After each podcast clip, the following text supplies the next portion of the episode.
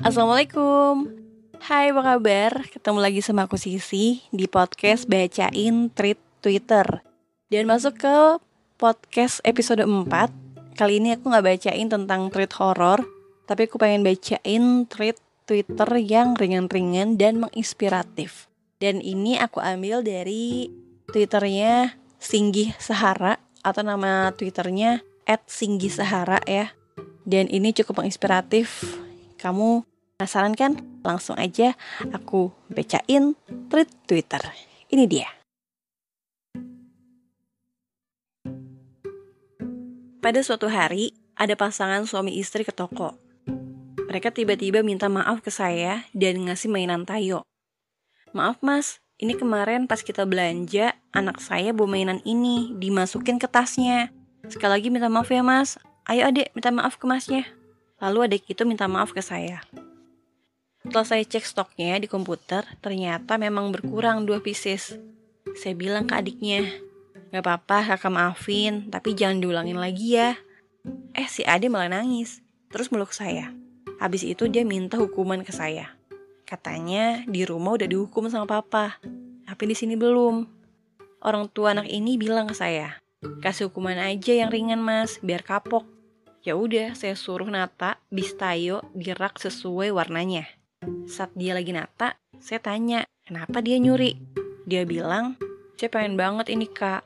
Mama mau beliin satu set, tapi selalu nunggu nilai ulangan keluar, jadi lama. Setelah hukuman selesai, ini adek girang banget. Dia cium tangan saya, terus meluk saya sambil minta maaf lagi. Sambil bilang, aku tetap boleh main dan belanja di sini ya kak, jangan diusir. Aku sama orang tua anak ini langsung ketawa. Sebenarnya orang tua anak ini berniat membayar barang yang dicuri lima kali lipat. Soalnya di mall, rata-rata aturannya kalau ada pencuri harus bayar 5 sampai 10 kali lipat. Tapi saya bilang nggak usah, soalnya stoknya masih klop. Terus si adiknya juga udah ngaku salah dan minta maaf. Uh, hebat banget ya adiknya ya.